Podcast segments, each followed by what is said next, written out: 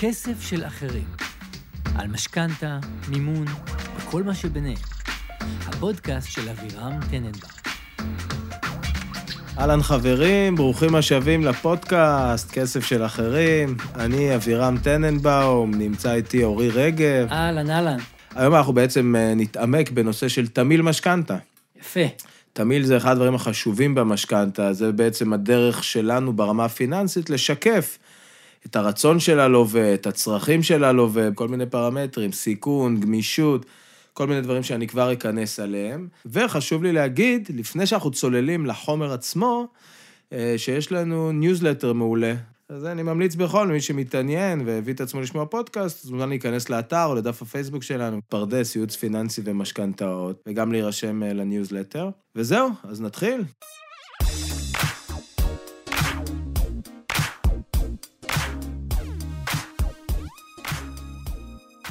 טוב, אז בואו באמת נעשה איזה רענון באיזה שוק אנחנו נמצאים, ומי שצריך יותר מרענון, פרק 19, די טרי. מלפני פסח האחרון, 2022. היה שם פירוט אה, מלא לכל מה שקורה כרגע. ממש, דיברנו על מה קורה בשוק. זה לא שהמגמה התהפכה, זה מאוד אה, רלוונטי גם היום, אבל המגמה המשיכה פשוט אה, בכיוונים די דומים. אה, כבר אה, ראינו את הריבית עולה, ריבית בנק ישראל עלתה ברבע אחוז, הריבית בארצות הברית עלתה בחצי אחוז. כן. האינפלציה אה, כבר חצתה את ה-4 אחוז 12 חודשים אחורה. בארצות הברית האינפלציה כבר לאזור ה-8.5 אחוז 12 חודשים אחורה. אז אנחנו בתקופה של אינפלציה, אנחנו בתקופה שבעקבות האינפלציה הבנקים המרכזיים מעלים ריביות, אנחנו בתקופה של ירידות בשוק ההון. כן, ירידות זה קצת under... understatement, כן. כן. אני לא רוצה להישמע דרמטי מדי, כן. ירידות בשוק ההון, אה, ונוצר גם איזה, יש קצת עננים שמדברים על אה, מיתון, או, או אם לא מיתון, אז לפחות אה, איזושהי עצירה ב- כן. בשוק ובצמיחה, אה, וזה יוצר הרבה חששות. אה, כל הדברים האלה ביחד, גם אה, צפי להעלאות ריבית שכבר התחילו בחלקן, גם אינפלציה, גם אה, ירידות בשוק ההון ופחד שהולך ותופס יותר ויותר מקום, משפיעים גם על, על, על תשואות האג"ח של הבנקים, שזה הגורם הראשון ובעל ההשפעה החזקה ביותר על ריביות המשכנתה. פה אני פותח סוגריים, אני רק אבאר את המשפט בבקשה. האחרון. כן, הבנק, את רוב הכסף שלו, מביא מהבורסה. הוא מוכר כסף לציבור באמצעות אג"חים, מקבל, ככה הוא מקבל כסף, כן. אחרי שהוא מכר, מכר אג"חים, קיבל כסף, את הכסף הזה הוא מלווה לי, לך וליתר האנשים שרוצים משכנתה. כן. עכשיו, ככל שעולה לו יותר כסף, לש- ככל שהוא נדרש לשלם מחיר גבוה יותר עבור הכסף בשוק ההון, מה יקרה לריביות שלנו?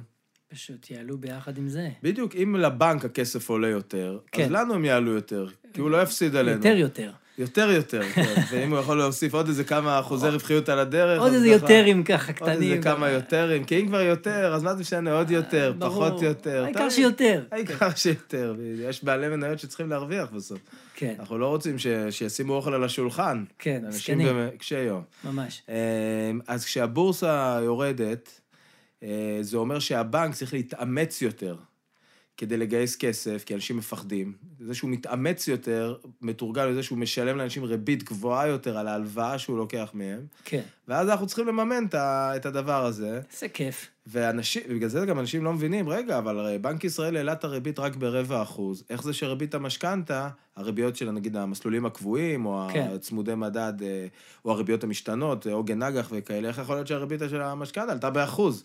הרי בנק ישראל העלה רק את הריבית רק ברבע אחוז. אה, תהייה לגיטימית, אבל נכון. בסוף התמחור הזה נגזר ממה שקורה בבורסה. הבורסה תמיד מסתכלת קדימה על מה הצפי לעליות ריבית, איפה זה יהיה עוד חצי שנה, עוד שנה. הבורסה מושפעת מכל מיני סנטימנטים של פחד, חששות, פדיונות, כל מיני כאלה. אז זה ככה לגבי השוק באופן כללי, ושוב, אני מזמין בחום, מי שרוצה לשמוע קצת יותר, סופר אקטואלי, פרק 19, אז זה לגמרי מוזמן.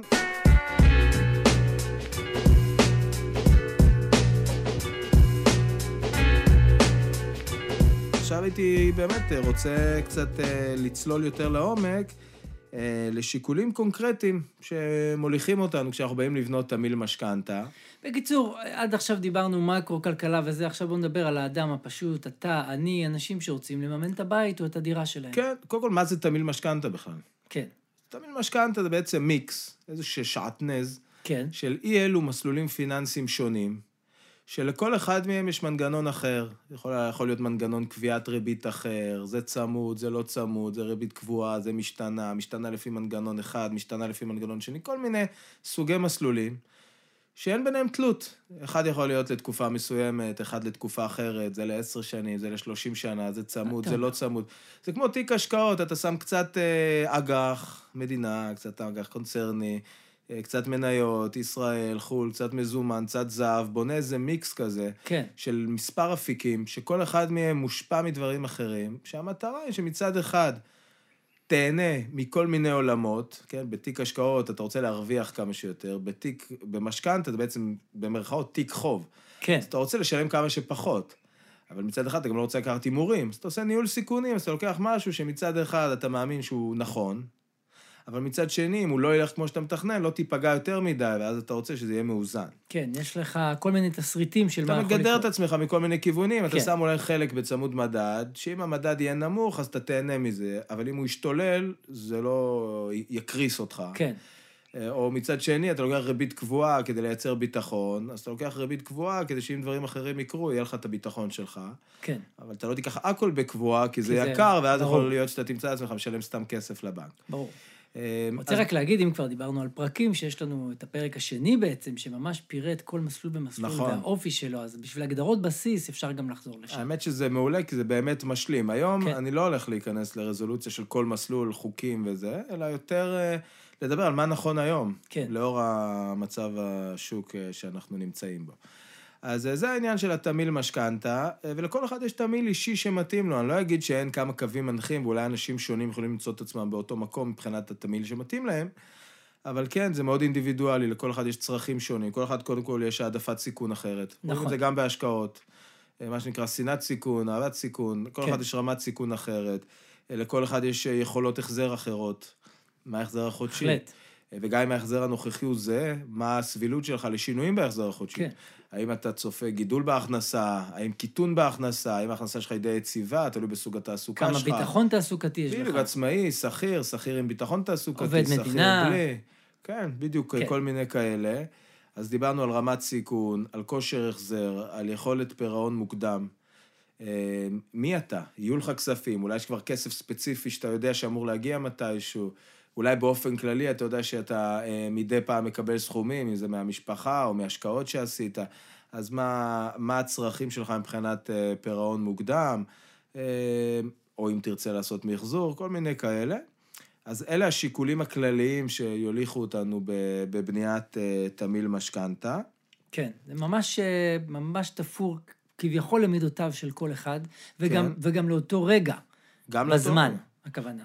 חד משמעית. זאת אומרת, כן. יכולה להיות אותה משפחה, שהנסיבות שלה בנקודת הזמן הנוכחית לא יהיו אותו דבר כמו הנסיבות שלה עוד חמש שנים. בהחלט. שאני יודע מה, שעשו הסבה מקצועית ומרוויחים פחות, או לחילופין הילדים סיימו גן פרטי ופתאום השתחררו כמה אלפי שקלים בחודש. זאת אומרת, זה לא משהו שהוא אה, לנצח. כן. בשביל זה יש את המחזור משכנתה, כן. שנועד לעשות התאמות, איזה פרק זה המחזור? או, אני חושב, או חמש או ארבע, משהו גם, די בהתחלה. כן, די בהתחלה, טוב, מחזור זה כבר באמת... דיברנו על אינדקס, כבר אמרנו את זה. צריך, יש צריך אינדקס אינדקס. בספוטיפיי? יש לך את הרשימה המלאה. יש באתר, אגב, כל הפרקים. מספוטיפיי מופיעים גם כעמוד באתר, ששם יש כותרות והכול, אז... אה, יפה, מדריך למשתמש. רק אמרתי, רק אומר, רק אומר.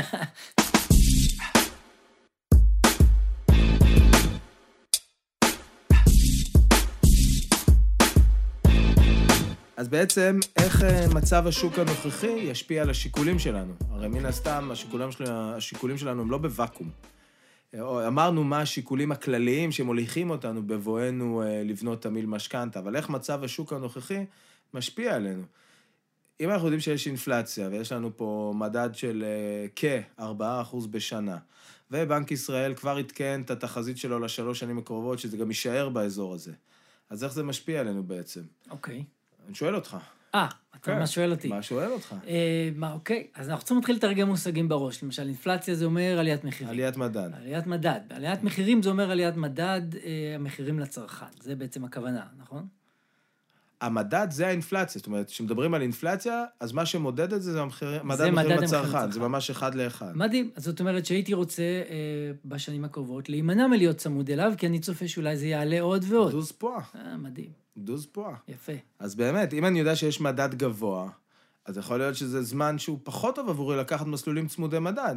כי אני יודע בוודאות, בעיניים פקוחות, שאני הולך למקום שבסבירות לא מבוטלת, יהיה לי לא משתלם. גם אם אני מקבל ריביות יותר נמוכות במסלולים צמודי מדד, כן. מה שבדרך כלל קורה, אם אני לוקח פנימה בחשבון את המדד שיבוא לי בשנים האלה, גם אם הריבית שקיבלתי היא מאוד אטרקטיבית, בשורה התחתונה לא עשיתי מהלך פיננסי נכון.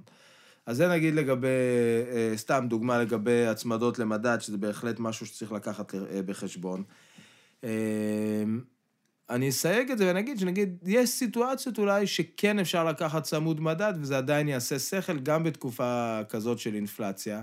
מתי זה יקרה? א', אם מדובר בתקופות מאוד קצרות, אוקיי, שמה זה תקופה קצרה במשכנתה? עד עשר שנים נניח, או אפילו פחות. אוקיי. אה, למה זה משמעותי? כי בעצם בתקופות כאלה הקרן יורדת נורא מהר. ואז אוקיי. האפקט של אה. ההפרשי הצמדה על הקרן הוא יותר מתון מאשר משכנתה שפרוסה להרבה שנים, ואני חוטף את זה, מה שנקרא, על מלוא הקרן לתקופה ממושכת. כן. אה, אז נגיד, אם אני באמת בניתי את זה בצורה שהמסלולים הצמודי מדד הם קצרים והקרן יורדת אה, בקצב מהיר, אז זה ממתן לי את ההשפעה של הפרשי ההצמדה. זאת סיטואציה אחת. סיטואציה שנייה, זה אם השילוב של מסלולים צמודי מדד, במידה מסוימת, מוזיל לי מאוד את יתר מסלולי המשכנתה, ואני עושה איזשהו תחשיב ורואה שזה עדיין משתלם לי, אז אתה אומר, אוקיי, אני אוכל אותה פה, אבל מפצה על זה פה. כן, אני מנסה צריך רגע לבאר קצת את מה שאתה אומר, שאתה אומר מוזיל לי את מסלולי המשכנתה, זה אומר לכל אחד מהמסלולים יש את ההחזר החודשי שלו, ואתה אומר בסך הכל אולי יוצא לי חבילה משתלמת, כי כאן אני מקבל דיל יותר טוב בצמוד מדד. הבנתי נכון? הבנת נכון, אבל אני אוסיף עוד אלמנט, מה שהתכוונתי גם, זה שלפעמים אם משלבים במשכנתה מסלולים צמודי מדד, אז uh, יתר המסלולים, לאו דווקא בהקשר של ההחזר החודשי, אלא יתר המסלולים מתומחרים נמוך יותר על ידי הבנק.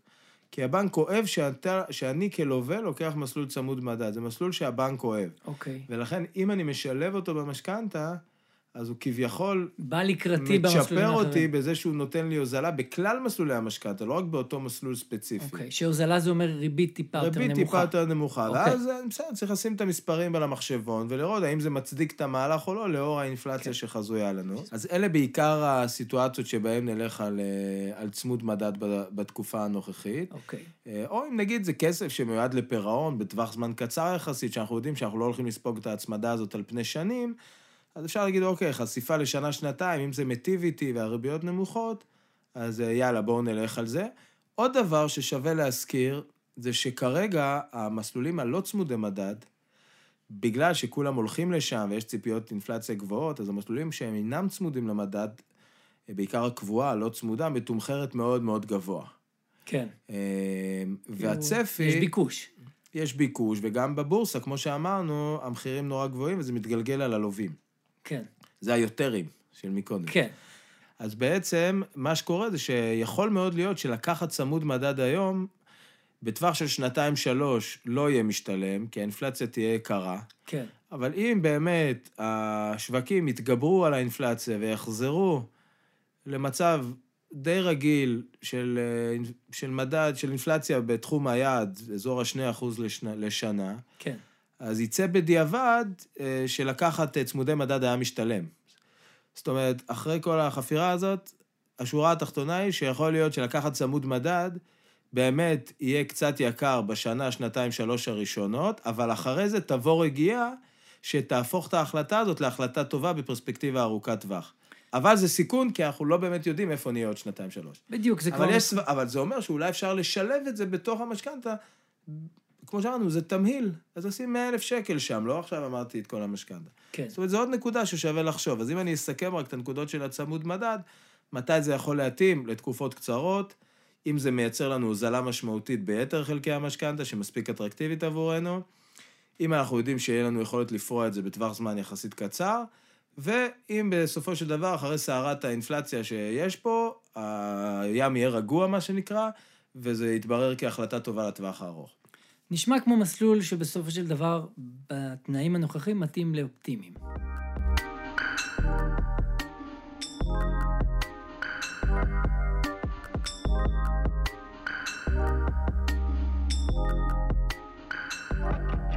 אלה בעצם היו הנקודות המרכזיות שצריך להכיר בהקשר של אה, הצמדה למדד, אינפלציה ו- וכאלה בזווית של המשכנתה. עכשיו, מעבר לעליית אה, מדד המחירים לצרכן, יש לנו גם את הנושא של אה, עליית ריבית. הנגיד העלה לנו את הריבית באפריל ברבע אחוז, ל-0.35. וכבר בנק ישראל מדבר בצורה די פתוחה על כך שאנחנו צפויים לעוד העלאות ריבית בחודשים הקרובים. צפי שבטווח של שנה פלוס מינוס נגיע לאזור האחוז ורבע, אחוז וחצי ריבית בנק ישראל. כן. ש... כאשר הפריים הוא תמיד אחוז וחצי מעל, אז זה בסביבות השלושה אחוז, כל אחד יש לו את הפלוס, מינוס על הפריים, מה שהוא קיבל. וזה אומר שכל מי שיש לו מסלול פריים, בעצם צפוי לחוות התייקרות די משמעותית של בין אחוז לאחוז וחצי, מאיפה שהוא היה רגיל להיות לפני כמה כן. חודשים. וזה ישפיע מאוד על ההחזר החודשי, כן? זה משהו שמתעדכן במיידית, באותו רגע. רוב האנשים יש להם רכיבים די משמעותיים של פריים במשכנתה, לכל הפחות שליש. כן. ולפני שנה וקצת התחילה הרגולציה שאפשר לשלב גם יותר, אז יש גם הרבה עם חצי, או אפילו שני שליש מהמשכנתה בפריים. אם אנחנו מדברים על משכנתה ממוצעת שחצתה את רף המיליון, ועוד הרבה מאוד משכנתאות שגם חצו את רף השתיים והשלושה מיליון, אז זה יכול לבוא לידי ביטוי במאות שקלים בחודש, אה, שגם, אם אתה הולך לקחת משכנתה עכשיו, ואתה מתלבט, את, אתה, מתלבטים, האם לקחת את מסלול הפריים, אתה אומר, אוקיי, מה, אני הולך פה בעיניים פקוחות לסיטואציה של עליות ריבית. כן. האם נכון לי לקחת את המסלול הזה? אז מצד אחד, שאלה סופר לגיטימית, כאילו, למה לי לקחת מסלול שאני יודע בוודאות שיעלה לי בעוד איזה אחוז שלם כלפי מעלה, ומי אמר שזה ייצר שם? מצד שני, זה עדיין מסלול זול. זאת אומרת, אם הפריים היום הוא 1.85, אה, אז כשאני לוקח אה, הרבה מהפריים במשכנתה, הבנק מתמחר לי אותו יקר. זאת אומרת, זה לא הפריים מינוס משהו שהיינו רגילים, אלא כשלוקחים חלק ניכר מהמשכנתה בפריים, זה פריים פלוס משהו. Okay. אז אוקיי. רק לצורך הסימולציה, בוא נגיד פריים פלוס חצי, אוקיי? אוקיי. זה 2.35. זאת אומרת, אוקיי, מה, פריים פלוס חצי זה נורא יקר, והוא עוד יעלה לי בעוד נכון. אחוז שלם, זה יהיה שלושה וחצי אחוז, אולי אפילו יעלה בעוד אחוז ורבע, זה יהיה שלוש שבעים וחמש.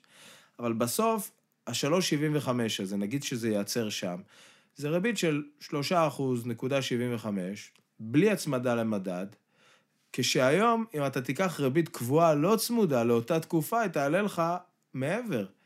היא תהיה איפשהו בין 4 ל-5 אחוז. Okay. אוקיי. אז כאילו, גם אם אתה לוקח בחשבון את העלייה כן. העתידית, כן. אתה עדיין במקום שהוא כן. אטרקטיבי. עדיין יש את הריזיקה שאולי העלייה תמשיך ותמשיך, והאינפלציה נכון. תשתולל, ויהיו עליות ריבית, ונגיע לסביבת ריבית, שזה יעקוף כבר את הריבית הקבועה, ואז הגעת לנקודה שזה כבר הייתה החלטה שגויה בדיעבד. כן. אבל אתה יודע, הכל יכול לקרות. אנשים צריכים לנהל את הסיכונים שלהם. ויש עוד איזה מרווח ביטחון מעבר להעלאה הצפויה של בנק ישראל, שעדיין משאיר את זה במקום יותר אטרקטיבי מהאלטרנטיבה הקבועה. ויש עוד שיקול בפריים שהוא חשוב, שאפשר לפרוע אותו מתי שרוצים. אין קנס במסלול הפריים, לעומת הקבועה. כן. אז בעצם, כשאתה לוקח קבועה לעומת פריים, אז מעבר לעובדה שאתה משלם פה פרמיה על הריבית, אתה לוקח ריבית יקרה יותר, בעצם אתה משלם אקסטרה כסף, אתה קונה ביטחון, זה בסדר, אתה משלם אקסטרה כסף, אז לא רק ששילמת אקסטרה כסף בריבית כדי לקנות לעצמך את הביטחון הזה, אתה גם עלול למצוא את עצמך משלם קנס משמעותי, אם וכאשר תבוא להחזיר את הכסף הזה לפני הזמן. כן. ובאיזה... זה אתה מתכוון בקבועה. בקבועה. כן, בוא נעשה סדר. כן, צודק. אז באיזה סיטואציות, אגב, אני יכול למצוא את עצמי... אה, משלם קנס? מש... בא... עם רצון לפרוע את הכסף הזה לפני הזמן. אה... או. קודם כל, מעצם העובדה שאתה באמת אה, עוזב את הנכס ומוכר אותו וצריך אה, להיפרד מהמשכנתה בשמחה ובששון. חד משמעית, זאת אבל, נקודה של פירעון. כן, אבל אם במידה ואתה רוצה למחזר, בגלל שירדו הריביות באיזשהו אורח פלא בשוק, בום. כן. אה, רואים שאתה שומע את הפוד. אה, אני מאזין קבוע, זאת אומרת?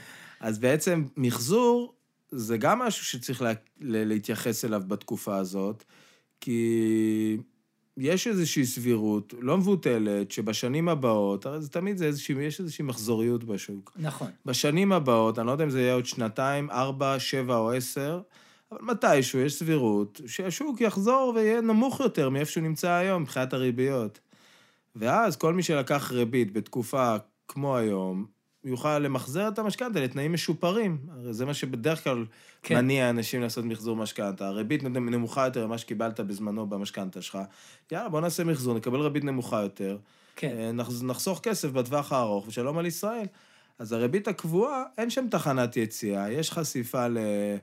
לקנס, מה שנקרא עמלת היוון בשפה המקצועית, שאני גם אסביר בסוף הפרק הזה איך היא מחושבת אה, ומה משפיע עליה, ואם יהיה קנס, אז אה, מן הסתם זה יקטין את האטרקטיביות של מחזור. כן. אה, וזה בפועל, אבל למי שעדיין לא סגור על מה המשמעות של הקנס, אני חושב שגם דיברנו על זה בפרק של הסקירת שוק, אבל הכוונה היא שהתחייבת לבנק לריבית מסוימת, ועכשיו אתה בא ואתה אומר לו, אני לא רוצה להחזיר לך את הכסף כל השנים שהתחייבתי, אלא אם אני רוצה לצאת עכשיו. הבנק אומר, תשמע, אבל בניתי על הכסף הזה, חתמתי איתך עסקה. גם קניתי את הכסף בזמנו בעלות מסוימת. בדיוק. אז בוא לפחות תפצה אותי על חלק, על הכל, זה כבר אתה תסביר איך זה מחושב, אבל זה המהות של הדבר הזה שנקרא קנס, פירעון. נכון, אתה בעצם מפצה את הבנק על אה, כביכול הפסד שהוא סופג מזה שאתה מחזיר לו לפני הזמן. כן, אני פשוט מאוד קשה לי עם המשפט של אתה מפצה את הבנק. אני תמיד חושב שהוא צריך לפצות אותי. לא, אני מרגיש שכאילו אנשים עכשיו עצובים בשביל הבנק, כי הם הבינו שהבנק ממש סובל, שאנשים מחזירים לו כסף זה- לפני הזמן. כן, אה, מסכן. כן. אז תוריד בעריכה את המוזיקה העצובה.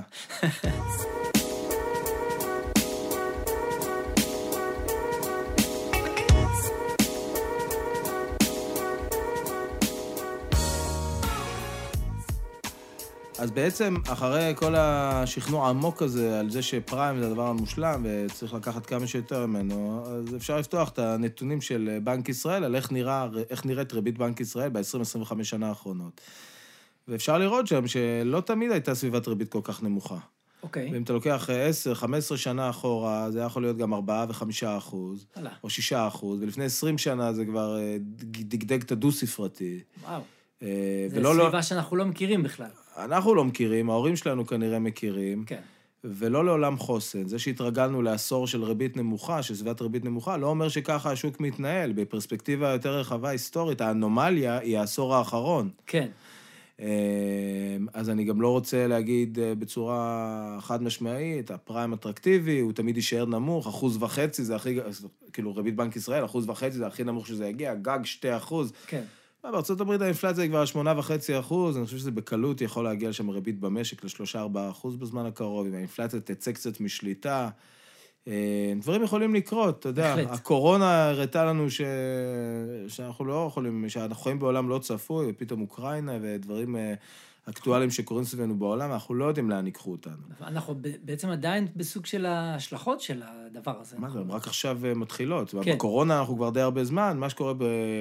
באוקראינה עדיין לא התגלגל אלינו באופן מלא. אתה יודע, יש דיליי לדברים, כן. להשפעות של הדברים האלה, וגם העלאות ריבית ישפיעו על השוק בכל מיני צורות. הרי בהפוך על הפוך, הבנק המרכזי מעלה ריבית כדי להילחם באינפלציה, לסייע למדינה. כן. לא להיגרר לאיזה משבר אינפלציוני, פה נכנסת לעולמות יותר של כלכלה, אבל בד בבד, הדבר הזה פוגע במשק, כי העלאת ריבית מייצרת האטה. נכון. כאילו בעצם כדי להילחם באינפלציה, פוגעים במשק. כן. אז, אה, אז זה- אירוע, זה אירוע שקורה, ואנחנו לא יודעים לאן הוא ילך, ולכן אני לא רוצה להיות כזה חד משמעי לגבי הפריים, יש סיכון.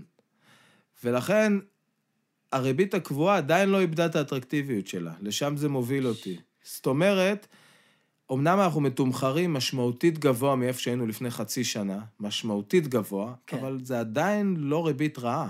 אתה יודע, יש הרבה תקופות שיותר מלא אנשים, קח ריבית קבועה, לא צמודה, נעולה, בזנתית, עם ביטחון מלא, ל-30 שנה ב-4.5 אחוז, היה מחבק אותך. כן. אז לא יודע מאיפה היום נפלת עליו. מקללים אותך על זה, אבל, אבל כן. הכל עניין של מאיפה באת. כשאתה מגיע לארבעה וחצי מלמעלה, זה וואו. כשאתה מגיע לארבעה וחצי מלמטה, אתה מתבאס. כן. אבל מה לעשות שהגענו מהנקודה הכי נמוכה שגרף הריביות ההיסטורי נגע בתחתית של ריביות המשכנתה? אז בסדר, אבל אם נסתכל על זה לא, לא בהשוואה למה היה לפני חצי שנה, אלא באמת פרספקטיבה יותר רחבה, אז הריבית עדיין מתומחרת בסדר. אתה יודע, אני רואה את זה, אני מדבר הרבה עם לקוחות. יש את החבר'ה הצעירים יותר, שמבחינתם ריבית של קבועה לא צמודה ל-30 שנה ב-4.5 אחוז, זה כאילו השטן בהתגלמותו, עדיף שתהרוג אותי, כבר מה, אתה גנוב? כזה. מוותר על הדירה, אני לא מוותר קונה על את הדירה. הדירה, זה לא אפשרי, וואו, איזה נורא, וואו. אתה יודע, אנשים כאילו בעוד שנייה קוראים את הבגדים. כן, לאן אה, הגענו, לאן הגענו? וואו, אני לא מאמין, כאילו, כאלה.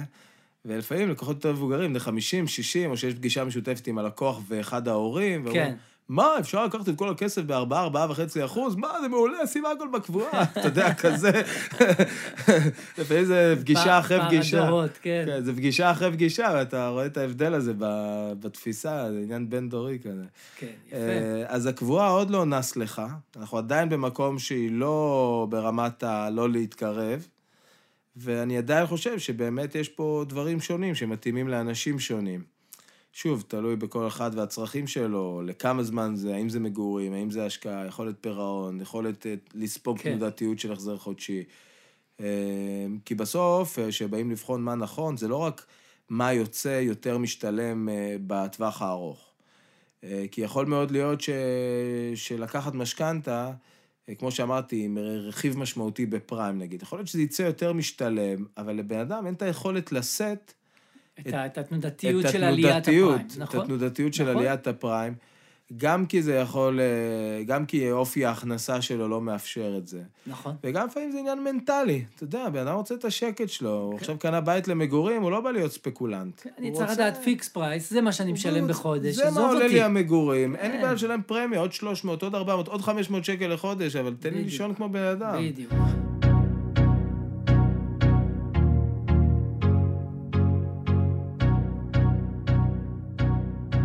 אלה השיקולים העיקריים, אם אני פורט את זה ככה ל... לכל המשתנים השונים. כן.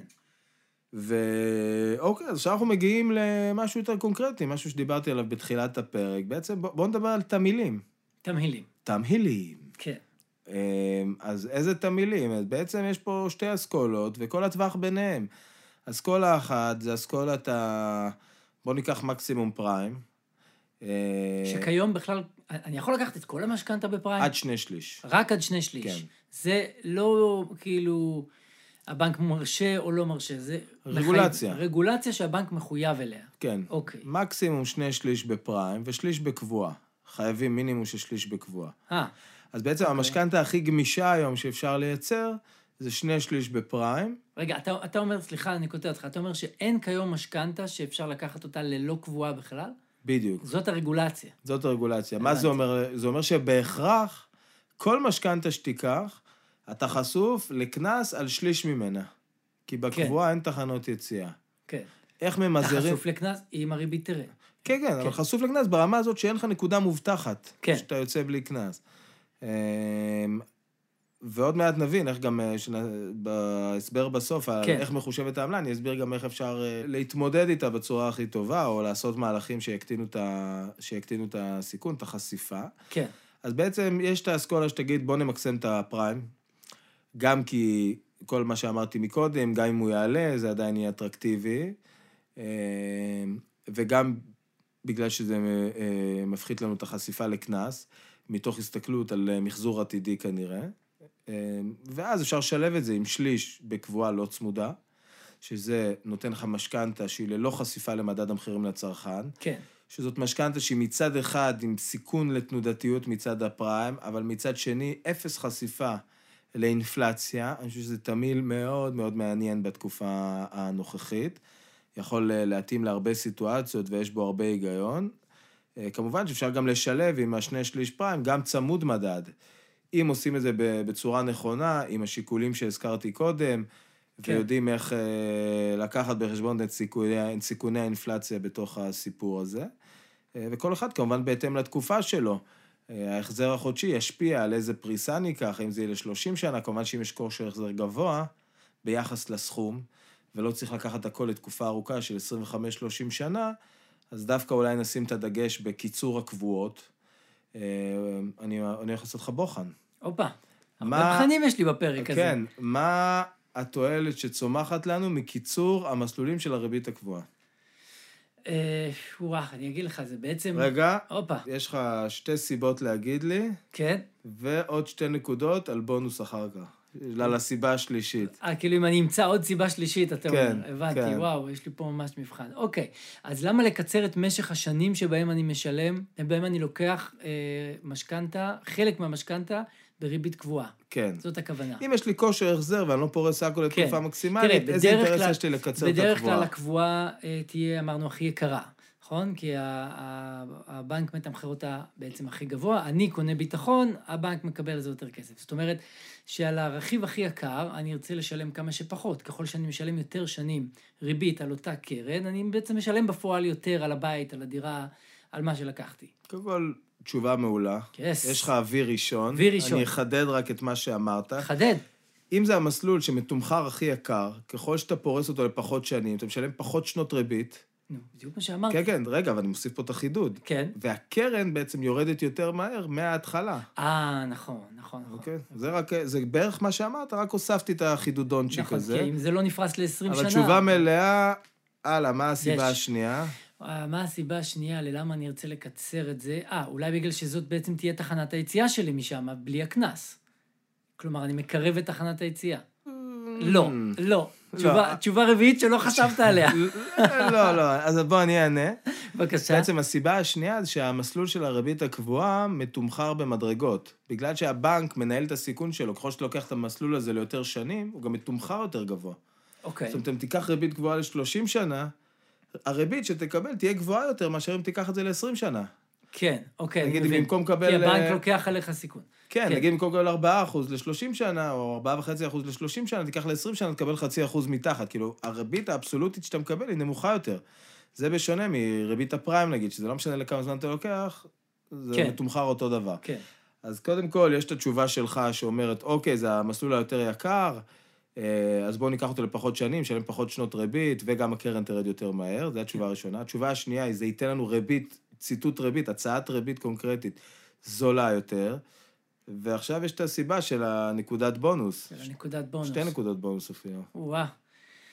אה, אז למה לקחת עוד פעם את הקבועה לכמה שפחות... אני אתן לך? רמז, זה כן. מתקשר לנושא של הקנס, שאני הולך לדבר עליו עוד מעט. זה לא מה שאמרתי? שברגע שאתה... לא, אתה אמרת שזה פשוט מסתיים יותר מוקדם. כן. לא, אז אין לי, אין לי את הדבר. אוקיי, אז ככל שהמסלול יותר קצר, גם אם אתה עושה כן. פירעון באמצע הדרך, אז אה, הקנס הפוטנציאלי שלך הוא נמוך יותר. הוא על פחות שנים. הוא על פחות שנים. הבנתי, בדיוק. זאת, ה... אה, זאת הסיבה לקצר את הקבועה, ואז, טוב, זה היה חתיכת אה, סוגריים ארוכים, אבל כן. אני חוזר לנושא של התמהילים.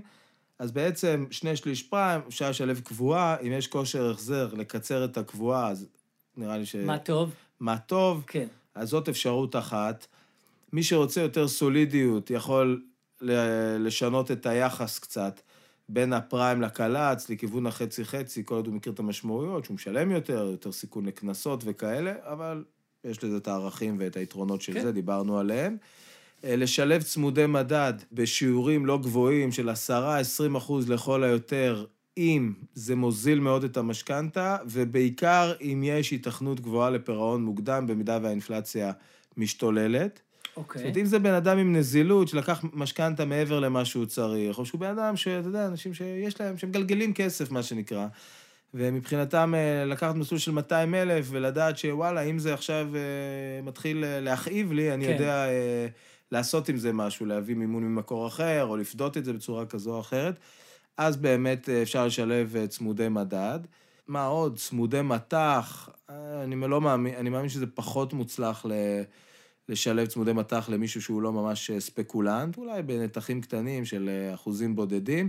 מה גם שעכשיו הדולר עולה, אנחנו לא יודעים אה, אם זה זמן טוב. כן, אה, הדולר לא- היה מאוד נמוך בחודשים, אפילו שנה האחרונה, אז אה, כן. להאמין שהוא ירד עוד יותר, זה... יש סברות שהוא עוד יכול לרדת, אבל אנחנו רואים שדווקא בתקופה האחרונה הוא עלה בצורה משמעותית, פחות ממליץ על צמודי מטח, אלא אם זה מישהו שמרוויח במטבע חוץ ורוצה לגדר את המשכנתה אל מול ההכנסה, ואז זה לחלוטין עושה שכל. פרק של משכנתה לתושבי חוץ, חביבי. משכנתה לתושבי חוץ חביבי. בבקשה. אמ, וזהו, זה ככה בגדול. העולם מורכב מאוד, העולם כן. הזה נהיה. ממש כן, ככה. וכולה הבן אדם רצה לגור באיזושהי דירה, אתה יודע, בקריות, לא עכשיו איזה משהו... אה, ובכל זאת מצא את עצמו במים סוערים.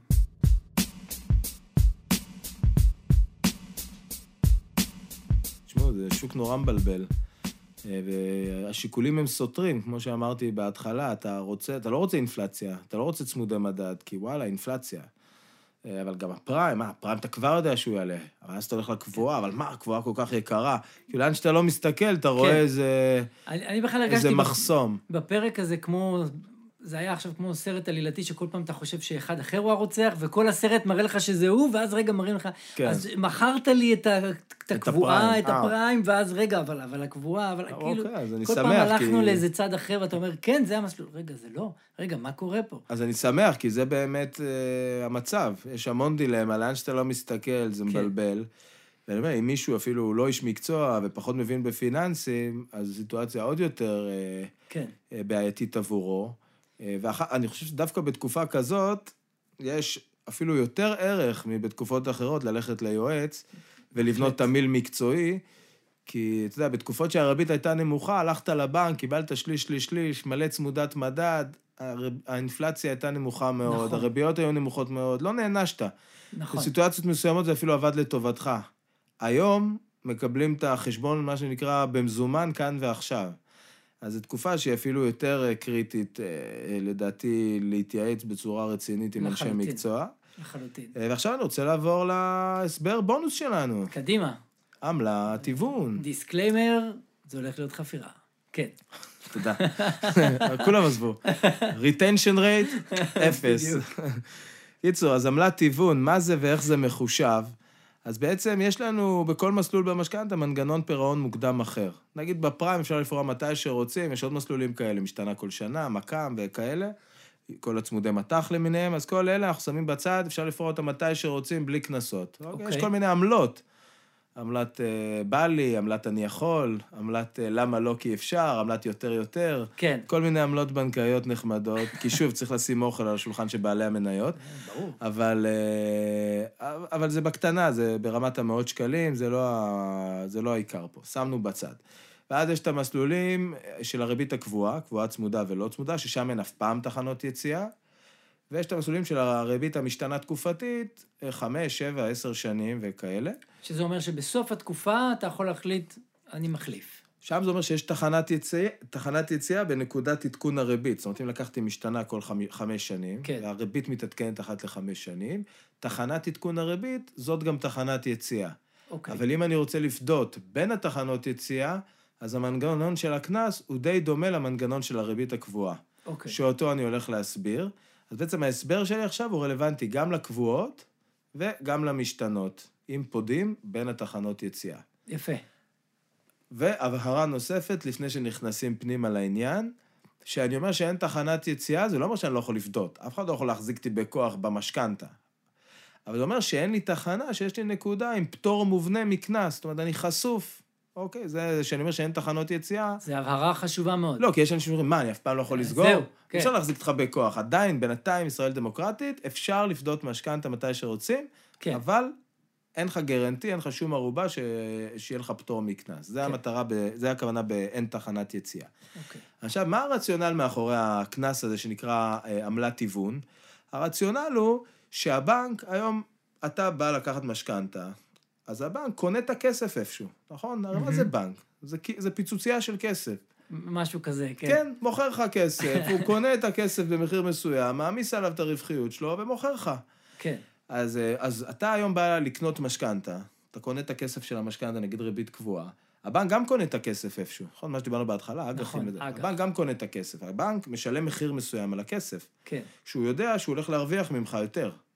עכשיו, אם אתה בא באמצע התקופה, אומר לו, תשמע, זכיתי בלוטו, מכרתי את הבית, אני רוצה למחזר, מה שזה לא יהיה, קח את הכסף, תשחרר אותי מהמשכנתה.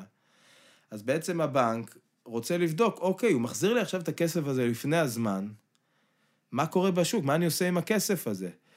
כמובן שהדבר הזה קורה באופן אוטומטי, בכל חודש מתפרסמת טבלה של בנק ישראל, שמראה את הריבית הממוצעת של אותו מסלול, נכון לתקופת הפירעון. אנחנו מסתכלים על תקופת הפירעון. ואז הבנק בעצם אומר, אוקיי, אם הריבית היום היא זהה או גבוהה יותר ממה שהיה במשכנתה של הבחור, מה אכפת לי? אני אקח את הכסף, אני אמכור אותו עכשיו למישהו אחר אפילו יותר ביוקר, אני מגדיל את הרווחיות שלי, אהלן וסהלן, תביא את הכסף, אין קנס. כן. במקרה הזה, אבל הוא הוא לא משלם לך. לא כסף. משלם לך, הוא לא נותן מפצה לך אותך. ריבית וכזה. ולא. חד-כיווני. זה חד-כיווני הדבר הזה. אוקיי, בסדר. אממה, אם באותה תקופה אנחנו נמצאים בסביבת ריבית שהיא נמוכה ממה שיש לך במשכנתה, כן. יבוא הבנק ויגיד לך, הלו, תשמע, אני קניתי בזמנו את הכסף ב-3 אחוז. מכרתי לך אותו ב-4 אחוז. היום אני מוכר אותו למישהו הרבה יותר בזול, בעצם אני הולך להפסיד. כי החזרת לי את הכסף יותר מוקדם, אני עכשיו הולך למכור אותו במחיר רצפה ולהפסיד עליך. כן.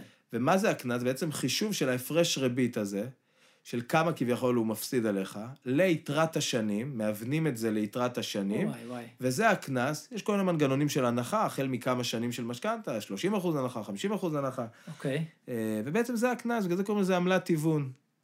אוקיי, הקנס הוא בעצם ההיוון של ההפרש ריבית שהבנק הולך לספוג את ההרעה בתנאים, כן. בעקבות זה שהיום ימכור את זה למישהו אחר, במחיר נמוך יותר. זה הקנס. פוטנציאלית זה יכול להגיע למאות אלפי? כאילו- מאות אלפי זה נדיר זה בצורה נדיר. קיצונית. צריך אוקיי. שלך תהיה ריבית אכזרית, ושהריבית המקובלת באותו מסלול כן. לאותה תקופה תהיה ברצפה.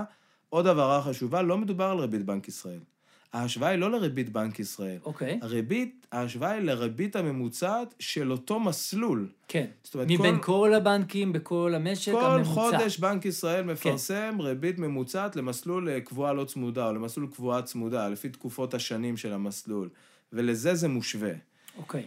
אה, אז אם אני אנסה לרדד את זה למסקנה, אם באים לפרוע לפני הזמן, אם הריבית באותו מסלול בתקופת הפירעון היא דומה או גבוהה למה שהיה כשאתה לקחת את המשכנתה, כנראה שלא יהיה לך קנס. כן. ואם היא נמוכה, כנראה שיהיה לך קנס, ואז הקנס ייגזר מכמה שנים נותנו לך, נותרו לך לאותו מסלול, ומה הפרש הריבית הזה, ומה הסכום כמובן. זה מתקשר למה שאמרתי מקודם, ככל שהתקופה יותר קצרה, ההיוון הוא לתקופה כן. קצרה יותר. כן. עכשיו, במשתנה, מה ההבדל בין המשתנה התקופתית? נגיד אם אני לקחתי משתנה כל חמש שנים, אז ההיוון, הוא לנקודת יציאה. מדהים אתה. אה, נכון? לא לסוף, אלא באמת לנקודת היציאה הקרובה. אז גם שם חשיפה לקנסות היא הרבה פחות משמעותית, כי מלכתחילה זה לזמן יחסית כן. קצר. אה, עכשיו, העמלת היוון לא נתונה למשא ומתן, אין מיקוח, אין מנגנונים. כן. זה, זה משהו שהוא show me קשיח. the money וזהו. כן, תביא את הכסף, וזה משהו שגם במחזורים משלמים אותו, כי מחזור הוא פירעון, גם במחזור פנימי, כן. גם אה. במחזור פנימי בתוך אותו בנק. כן. וואלה. אה, זהו, זה, זה לגדול, בגדול כן. לגבי הריבית של ה... אה, סליחה, לגבי עמלת פירעון מוקדם, אה, עמלת היוון, שזאת העמלה העיקרית. בטח אנשים רוצים לשמוע מספרים, אז תשמעו, נגיד על משכנתה של מיליון או יותר, אם הריבית תהיה משמעותית נמוכה יותר, זה יכול להיות כמה עשרות אלפי שקלים. כן. כאילו, נתקלתי גם בין 50 ל-100 אלף שקל קנסות.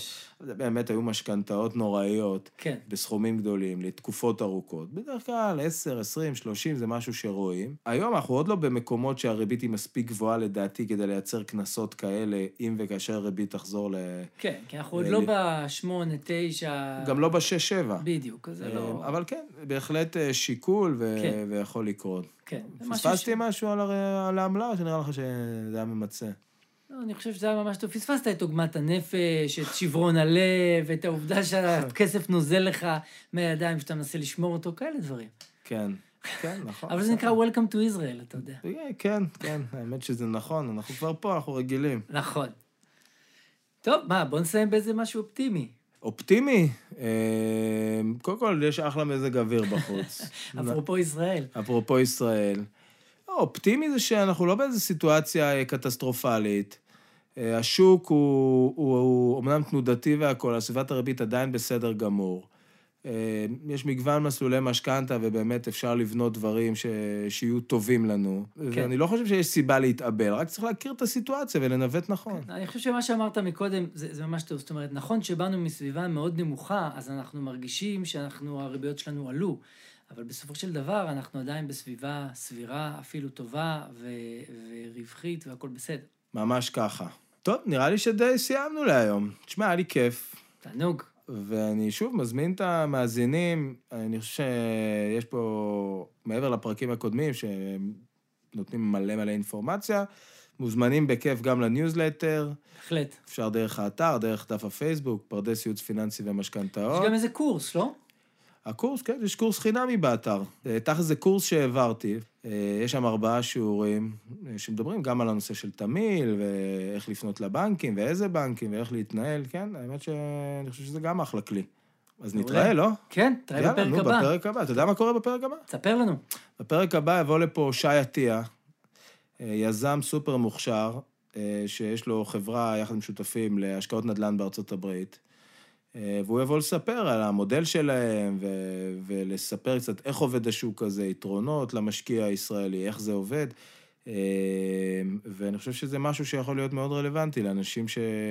שרוצים לפתוח את הראש לעוד כיווני השקעה ולגוון את הפורטפוליו שלהם, וקצת אה, להיפתח לעולם. שמע מעולה, אני מחכה. כן, גם אני האמת. יאללה, ביי. ביי.